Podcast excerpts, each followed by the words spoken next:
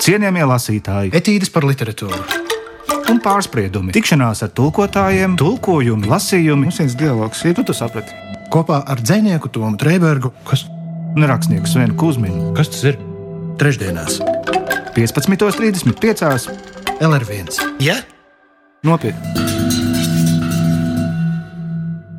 Kamera, motors, aiziet. Labdien, cienījamie lasītāji! Labdien! Iepriekšējā reizē mūsu uzmanības lokā bija Andrzejs Sapkovska fantāzijas literatūras piemērs Elfu asinis, tad šo žanru turpināsim arī šodien. Un žanru mēs turpināsim ar kādu latviešu grāmatu. Un vispār šis fantastikas žanrs, it sevišķi šis droši vien varētu teikt, Tolkiena aizsāktais un uz uh, mitoloģiju balstītais fantastikas apakšžanrs. Nu, viņš nav tā baigi plaši pārstāvēts latviešu literatūrā, vismaz pagaidām līdz šim. Un mums nācās mazdrusciņi pameklēties apkārt, taču laimīgā kārtā mēs atcerējāmies, ka šajā žanrā savulaik izpaudās arī rakstniece Ieva Melgāve. Un darīja to ļoti sekmīgi, ko apliecina arī lasītāju uzmanība un vēlīgas recenzijas periodikā.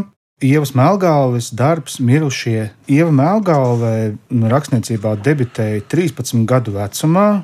Šobrīd viņa ir arī pazīstama kā tulkotāja no angļu valodas un strādā arī kā redaktore.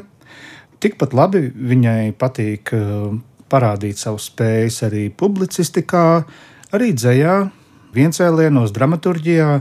Un jaunākais darbs, kur mēs ar Ievas literāro sniegumu varam iepazīties, ir grāmata Emīļa un Rūra robota sirds, ko viņa pagājušajā gadā kopīgi ar Elizabeti Lukšāru Žīnsku izdeva mm, apgādā Liels un Mazs.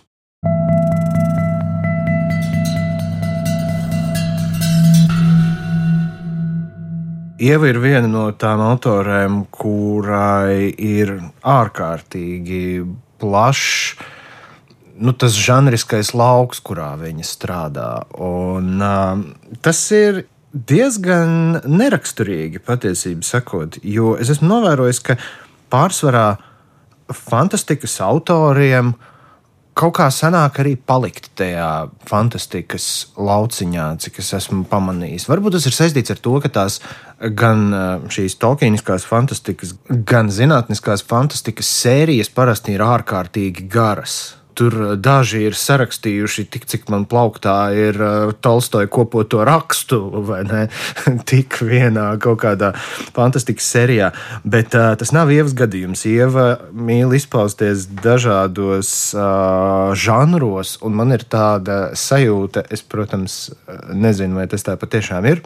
Čaujieva, starp citu, ka Ievai ir tāda checkliste, tā, tāds sarakstīns ar visiem žanriem, kuriem ir jāpievelk ķeksītis. Nu, es domāju, mēs varam gaidīt no Ievas vēl varbūt detektīvu romānus vai vēl kaut ko. Nu, lūk, un viņas uh, varējums ir novērtēts arī ārpus Latvijas, jo darbi un to fragmenti ir tulkoti arī lietuviešu, vācu un zviedru valodās, un 2017. gadā darbs Mummy, Who Ate Children. Tā tad uh, mamma, kur apēda bērnus, mamma, kur apēda savus bērnus, uh, Ievas Lešinskas tulkojumā. Šāds darbs ir iznācis angliski. Un Ieva ļoti centīgi arī strādā ar jauno autoru izglītošanu un padomu došanu Literārajā akadēmijā, arī savulaik prozas un dzējas un dramaturģijas kopējā jauno autoru vienojošajā nometnē aicinājums. Viņa ir eh, bijusi gan tur savulaik pati kā dalībniece, gan arī jau recenzējusi pēc tam arī mm, jaunos spāles brāļus. Es vienu gadu biju starp tiem. Un tu pat biji viens. Es nebiju, mm, es nebiju starp ievas recenzējamajiem, bet uh, vienu gadu es gāju uz ievas meistardarbnīcām prozā. Jā, tās bija ļoti labas. Tās es atceros joprojām. Nu, lūk. Un tā tad um, grāmata Mirušie nepiedod, par ko mēs varam vēstīt tajā fabulas kopsavilkumā. Tātad mazas kalnu pilsētiņas mieru un labklājību nodrošina magi. kas bez pūlēm valda pār vienkāršo cilvēku prātiem, kuram gan pietiktu nekaunības apdraudēt šo gadsimtos iedibināto kārtību. Un tad pilsētā ierodas noslēpumainā svežzemju ceļotāja Vega. Jau nākamajā rītā viņa tiek atrasta netālu no sudraba raktuvēm blakus mirušam magam. Ja tā ir slepkavība, tad Vega nav vienīgā aizdomās turamā, bet šķiet, vienīgi viņa pati vēlas noskaidrot, kas patiesībā noticis. Iespēja nogalināt burvi, tas taču ir bijis viņas sapnis jau kopš bērnības. Arvien jauni notikumi atklāja gan senus nodarījumus, gan jaunas kaislības, mirušie nepiedod, un šķiet, ka piedot nespēja arī dzīvēm. Te ir arī viena no tām mazajām recenziju rindkopiņām, kuru ir uzrakstījis Dainis Lēnārds, literatūra pētnieks un kritiķis. Viņš saka šādi: Iztiekot bez žanra klišejām, Melngalva ir radījusi prasmīgi veidotu un oriģinālu darbu, kurā svarīgākā loma ir interesantai miedarbībai starp īpatnēju pasauli un tikpat īpatnēju galveno varoni. Nu, un šeit varbūt mēs arī varam sākt mūsu pārspriedumu, jo manuprāt, Dainis ir savu lauru vainagu uzvijis nedaudz par smagu un ar pārāk lielu atvēzienu. Jo, Tas ir kā? Nu, jo es neteiktu, ka šajā darbā nebūtu žanra klišeja. Nu, tas klišeja, klišeja. Nu, klišeja ir tāds mums jā, diezgan pamatīgs jā. vārds, es teikšu. Tas ir smagi teikt, klišeja. Es Bet varbūt, ka nu, tur arī ir iespējama tā pozitīvā nots. Nu, kas ir klišeja vai ne? Klišeja ir uh, šablons, tas, kura, kas iegulst. Klišē, jā, nu, jā. jā, ar kuru nu, piparkūku vīriņus taisa ar nu, klišeju. Jā. Jā, jā. Vai burtus. Vai burtus. Bet Es domāju, ka žanriem jau ir ne tikai tas, žanriem jau ir arī kaut kādi vispār pieņemti noteikumi, ja tā var teikt. Es gribēju pirmīt apgalvot, ka tie ir nerakstīti, bet būtu diezgan smieklīgi tā teikt, ņemot vērā, ka mēs runājam par rakstīto vārdu. Ja? Nu, ir kaut kas, kas nosaka piederību žanram, un šajā gadījumā tas būtu kas. Nu, pirmkārt, tas ir uzstādījums, kurš ļoti stipri liedzinās viduslaiku Eiropai, Un tā ir ļoti klasiska vieta šajā žanrā. Nu jā, un pie tam Ziemeļā Eiropai. Ziemeļā Eiropai. Tādai nedraudzīgai, skarbai videi. Jā, jā, jā kalnu raktuves tur figurē. Un, nu, būtībā tas, ko mēs atradīsim gan ķautu, gan skandināvu mitoloģijā, un pēc tam arī attiecīgi lielajos fantasy darbos. Bet es negribētu teikt, ka tas ir klišejiski. Tas noteikti nav kaut kā paņemts no jau zināmām grāmatām un drusciņu mazliet tur, zini, pieslīpēts, lai izklausītos pēc kaut kā cita. Ir pilns internets ar visādiem fanu darbiem, piemēram fanfiction tā saucamais. Tās laikam drīzāk būtu klišejs manā skatījumā, bet nu, šis jau ir tomēr daudz, daudz nopietnāks uh, darbs nekā, nekā kaut kas tamlīdzīgs. Es ļoti centos atrast to piemēru, kuru es pirms kāda apmēram pusgada lasīju. Tā bija angļu rakstniece. Viņai bija triloģija arī šajā fantastikas žanrā. Viņa savu pasauli bija, ja mēs te pieminējam, teiksim, tādu Ziemeļa Eiropas, to raksturojošo geogrāfisko vides īpatnību, tad viņa bija ietērpusi to Sankrievijas noskaņā ar lielām baznīcām, nostiprinātiem arī mūriem un pilīm un skarbiem vīriem kažokos un tam līdzīgi. Un tāpat kā Ievas darbā šī galvenā varone Vega, kura ir um, atšķirīga ne tikai tādēļ, ka viņa ir kalsna, gara auguma, uh, jauna sieviete, jauna meitene ar rudiem matiem, un kas uh, viņu atšķir no tās vidas, kurā viņa uh, vismaz grāmatas pirmajās lapusēs darbojas. Un arī šīs amerikāņu rakstnieces triloģijā bija nu, ļoti līdzīga šī formula ar to, ka ir jauna trausla meitene vai ir jauna sieviete, kura kaut kādā ziņā ir neiederīga, nepareiza. Tāds pats kā bija Harijs Poters ar savu zīmi pierē, kuru no sākuma neviens nepieņēma un neieredzēja, tāpēc ka viņš bija atšķirīgs un kaut kādā ziņā. Eh, it kā viņš pats būtu izvēlējies eh, savu atšķirīgumu. Un līdz ar to šī amerikāņu rakstnieces triloģija man visu laiku bija fonā, lasot mirušos, kuri nepiedod. Tāpēc tas Daņa Lēnērta pieminējums par to, ka viņi iztiek bez žanra klišejām, nu, man, es viņam vienkārši nevarēju piekrist. Bet, protams, ka lai Ieva neņemtu ļaunā, jo tas arī nav mans nodoms, tu man liekas ļoti labi pateicis par tām piparkoku figūriņām. Ka tā figūriņa jau var būt nu, teiksim, tā eglīte vai zvaigznīte, nu, kā nu, Ziemassvētkos mēs darinām šos gardumus, bet eh, to mīklu jau tu izvēlējies pats, kā tu viņu veido. Vai tu tai piparkūku mīklē mm. pieliec kardamonu, vai vairāk kanēli, vai žāvētas dzērvenes un tam līdzīgi. Līdz ar to šablons vai, tas, vai tā klišeja ir viena, bet to mīklu tu pildi citādāk. Proti, žanrs ir tā veidne, bet eh, tā literatūra tā ir tā viela, kas ar tās veidnes palīdzību tiek kaut kur ievietota. Jā, nu, jā, gan sižets, gan literatūra. Eh, fantastika, tālas zemes, kurām mēs īstenībā ļoti labi varam redzēt analoģijas un līdzības uz tām zemēm, kuras tagad ir mūsu acu priekšā, sevišķi jau no novembra nogalē, kad viss ir kails, nemīlīgs un Kaili kā nāve koki. Kaili kā nāve koki. Uh, un nolasīšu mazu fragment no epizodes, kurā galvenā varone Vega dodas satikt magu vārdā Bors.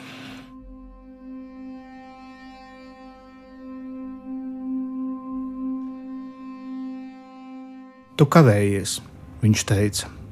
Es redzēju viņa acis un dusmu rievu starp tām, bet ne žokļa līniju, ne lūpas. Tas ir viens no daudzajiem magu paņēmieniem - skatīties, vērot, zināt visu par otru, bet neparādīt gandrīz vai neko no sevis paša. Es sakotu zobus. Visa iekāra bija pazudusi tikpat ātri, kā uzradusies. Te nu viņš bija, Vēl viens savas varas apsēstais, te nu viņš izrādīja savu pārākumu pār vienkāršajiem ļaudīm, pat ar šalli, kuru parastam cilvēkam nebūtu ļauts valkāt.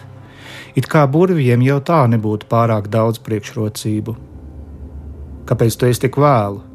Bords pieskārās manam vaigam, un es piespiedu savu seju atslābt, vismaz izlikties, ka esmu viņa burvestības ietekmē. Es Norīs iekals, skatījos sāņus un projām mēģināju izdomāt kādu attaisnojumu. Tu baidies no manis? Viņa roka virzījās lejup pa manu kaklu, satvēra mani pie skausta un turēja, un es iedomājos, ka pietikt ar vienu asu spēcīgu rāvienu, lai pārlaustu man mugurkaulu. Es skatījos uz viņu, jo tā šķita pareizi. Jo tev būtu jābaidās. Un es paklausīgi baidījos, es baidījos tik ļoti, ka pat neuzdrīkstējos būt nikna. Tev būtu vajadzējis baidīties no neatnākšanas vairāk nekā tu baidījies atnākt. Bords teica, drīzāk sev nekā man. Viņš izklaidīgi pētīja manu seju, it kā es būtu kukainis ar dažām liekām kājām vai bez ierastajiem punktiņiem, un viņš nevarētu tā īsti saprast, kas ar mani nav kārtībā. Viņš pat necenšas manī ieklausīties. Kāda sīka balstiņa manī teica, tikpat nobijusies kā es, maza un bērnišķīga, bet vienlaikus drosmīga un lepna. Es viņam neesmu nekas. nekas. Bords pievilka mani sev tuvāk, aplika otru roku man ap vidukli. Viņš sajūta, ka mans augums saspringst un notrīs. Viņš klausījās manā elpā, un es nebiju tur. Es nebiju tur ne viņam, ne sev. Vai viņš ar lūpām pieskārās manai ādai, vai tas bija tikai maigais audums starp mums, vai viņš ielpoja manu matu smaržu? Es nezināju. Es neesmu šeit. Es domāju, manas nav neko. Un viņš varēja darīt jebko, jebko. Viņš nespētu mani pat aizsniegt, kur nu vēl pieskarties. Viņš nezinātu. Kas notika? Bords maigi murmināja man ausī Es sajūtu, kā viņa augums saspringst, it kā viņš to būtu uz mirkli pametis, it kā arī viņš nebūtu šeit.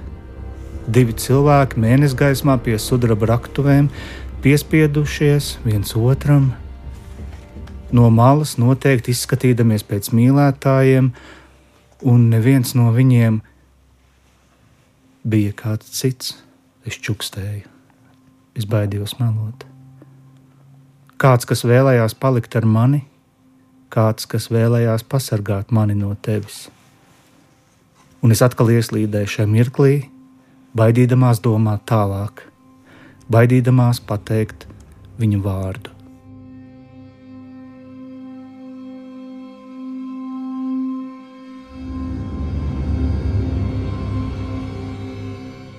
Mums iezīmējās tāds ļoti izcili, man šķiet, visaptverošs spektrs. Ja vienā spektrā ir Ursula Legvina ar savu absolūti poētisko pasaules tēlojumu, kurā sižetam gandrīz vai nav nekādas nozīmes, un otrā pusē mums ir uh, fantastisks grāmatvedis un ekonomists Andrzejs Sapkovskis.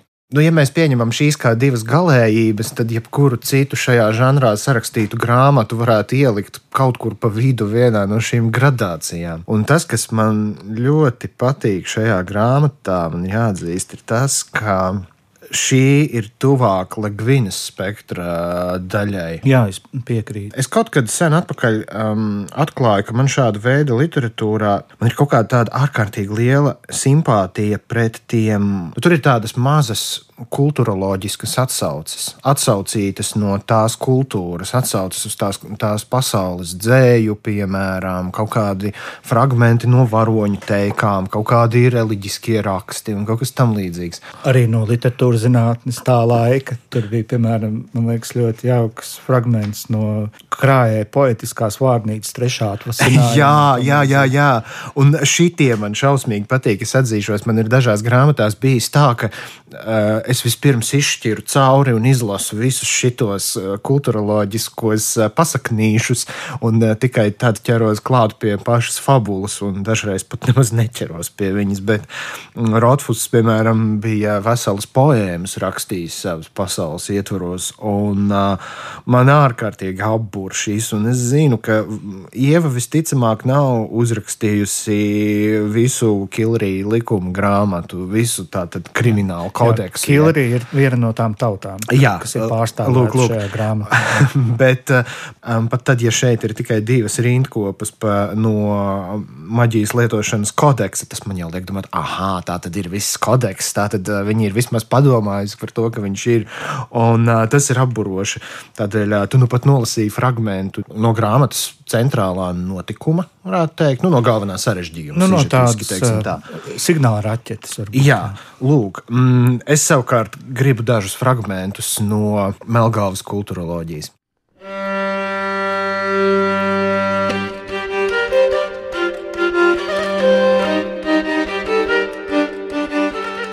Pirmais. Maks, kas izliekas, ka tāds nav, ir izdzimtība pret maģijas dabu. Maģijai ir jātiek pielietotai. Šādi monstri pastāv un ir redzēti mūsu zemē, lai arī viņi nav bieži sastopami. Tieksme uz slepenību un nodevīgumu parasti tiek atklāta apmācību sākumā, un mācekļi tiek pamesti, nogalināti vai trepanēti. Slēptie māki tiek sodīti ik vienā civilizētā zemē, un tāpat daudzās necivilizētās. Soda mēri ir dažādi, no nāves līdz mūža ieslodzījumam viennieka kamerā. Paši māgi lielākoties dod priekšroku nāves sodam. No Kilri likuma grāmatas trešās daļas maģija un tās noziegumi. Otrais. Paldies, tev, mans dziednieks, par zālēm un veldzi, par maigajām rokām un glāzmaino peldi, bet vairāk par visu Paldies tev par mieru, kas ļāva man izturēt slimības dienas. Tradicionāli Kilri pateicība dziedniekam. Un trešais - Brūna sakām vārds. Draugs ir tikai aizbāznis caurumam sirdī. Vai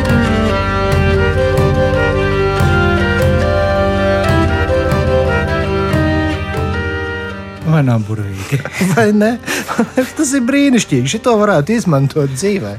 Sveiks! Aizbāzni caurumam sirdī. nu, tā arī darīsim no šīs dienas. Jā. Tas nu ir nolemts. Jā.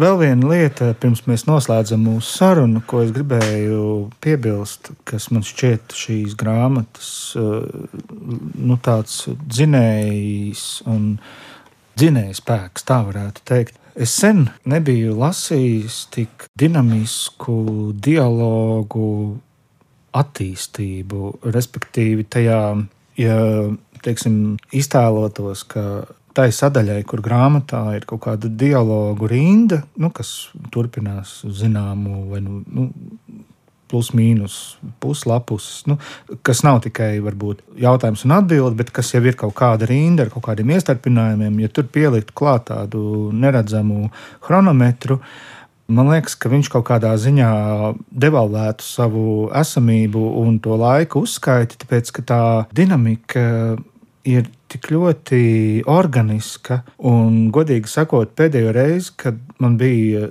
šāda sajūta, bija lasot Elīnas Zālītes romānu Agrā Rūsa. Oh. Jā, kur, kas man vispār ir viens no tādiem pēdējā laika lielākiem atklājumiem, kur šī sarunu uh, modelācija ir veidota tik ļoti precīzi tverot to ikdienības vienkāršumu, tajā pašā laikā to pastiprinot ar autora nodomu, ka viņš šo sarunu nekādā ziņā nav izmantojis tikai lai uh, lasītāju izklaidētu vai arī aizpildītu pats savas neziņas kaut kādus tukšumus, bet viņš izmanto šo sarunu kā fundamentu ar vien jaunam saspīlējumam, vai arī, protams, virzoties jau uz grāmatas noslēgumu, tieši otrādi atrisinājumu vainagojumam. Lai tas būtu atvērtais fināls vai noslēgtais, tam nav nozīmes, bet šis sarunu freestyle ir tā nu, tādā ziņā, ka viņš ir plūdens. Viņš, viņam jā, jā. nav tā cementētības sajūta. Mm -hmm. Ka runā tikai jā. par lietu, vai mm. ne? Un Jūs izstā... šodien jā. tāda bēdīga. Jā. Kas tad bija veikalā? Nu, tur nebija mm -hmm. maizes. Ak, nu kas tagad ārā līst? Nu. Sapratu, jā. jā. Tas ir ļoti labs novērojums. Patiesībā, jā. Šajā grāmatā, jā, dialogi patiešām plūda ļoti dabiski. Man ļoti patīk, kad grāmatās tā notiek. Anšlaus Eglītis droši vien ir manā lasīšanas pieredzē viens no tādiem izteiktākajiem dialogu. Es negribētu teikt, varbūt meistariem, bet Viņam patiešām ir tādi gari, plaši dialogi, kas dažkārt izvēršas par veselu ainu, un darbība, taisnība sakot, attīstās caur to, ko un kā saka. Un, šajā grāmatā arī tas ir. Jā. Tas piešķir tādu kinematogrāfiskumu arī. Tas dīvainā kārtā, kad varoņi runā un mēs dzirdam, ko viņi runā, nevis atstāstā, bet patiešo. Tad, uh, Mēs tāds ir, ka mēs esam tur kaut kur klāt, vai arī noklausāmies, varbūt aiz durvīm vai kaut kā tam līdzīga. Tad, tas tāds foršs klātbūtnes efekts. Lūk, cienījamie lasītāji. Etīdes par literatūru. Jā, trešdienās, 15.35. kopā ar aizbāžņiem caurumos sirdīs. Tieši tā, bet nu, mēs nepārakstīsim mūsu džinglus. nē, nē, nē.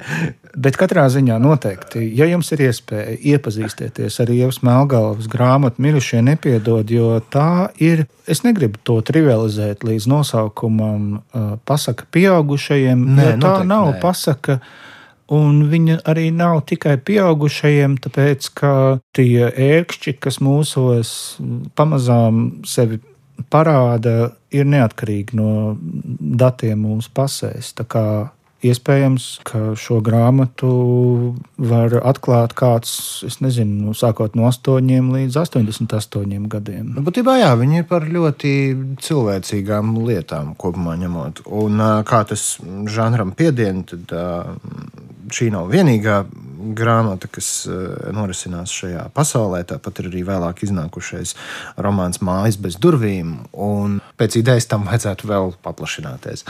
Ārpus divu grāmatu robežām. Cienījamie lasītāji, ar to mēs noslēdzam to paplašināto literāro sarunu, kas mums bija izveidojusies ar Mariju Rīžiju, jeb Māra Salēju palīdzību. Jā, paldies Māri par šo grāmatu kuratorismu šajā cienījamo lasītāju cēlienā. Un jau nākamreiz runāsim par kaut ko jaunu, pilnīgi atšķirīgu. Jā, kaut kas pilnīgi atšķirīgs. Visu, visu labu! Cienījamie lasītāji, etīdes par literatūru un pārspriedumi, tikšanās ar tulkotājiem, tulkojumi, lasījumi. Mums viens dialogs ir, tu to saprati. Kopā ar dzinieku Tomu Trēbergu, kas un rakstnieku Svenu Kusminu. Kas tas ir? Trešdienās, 15.35. LR1. Ja? Nopietni!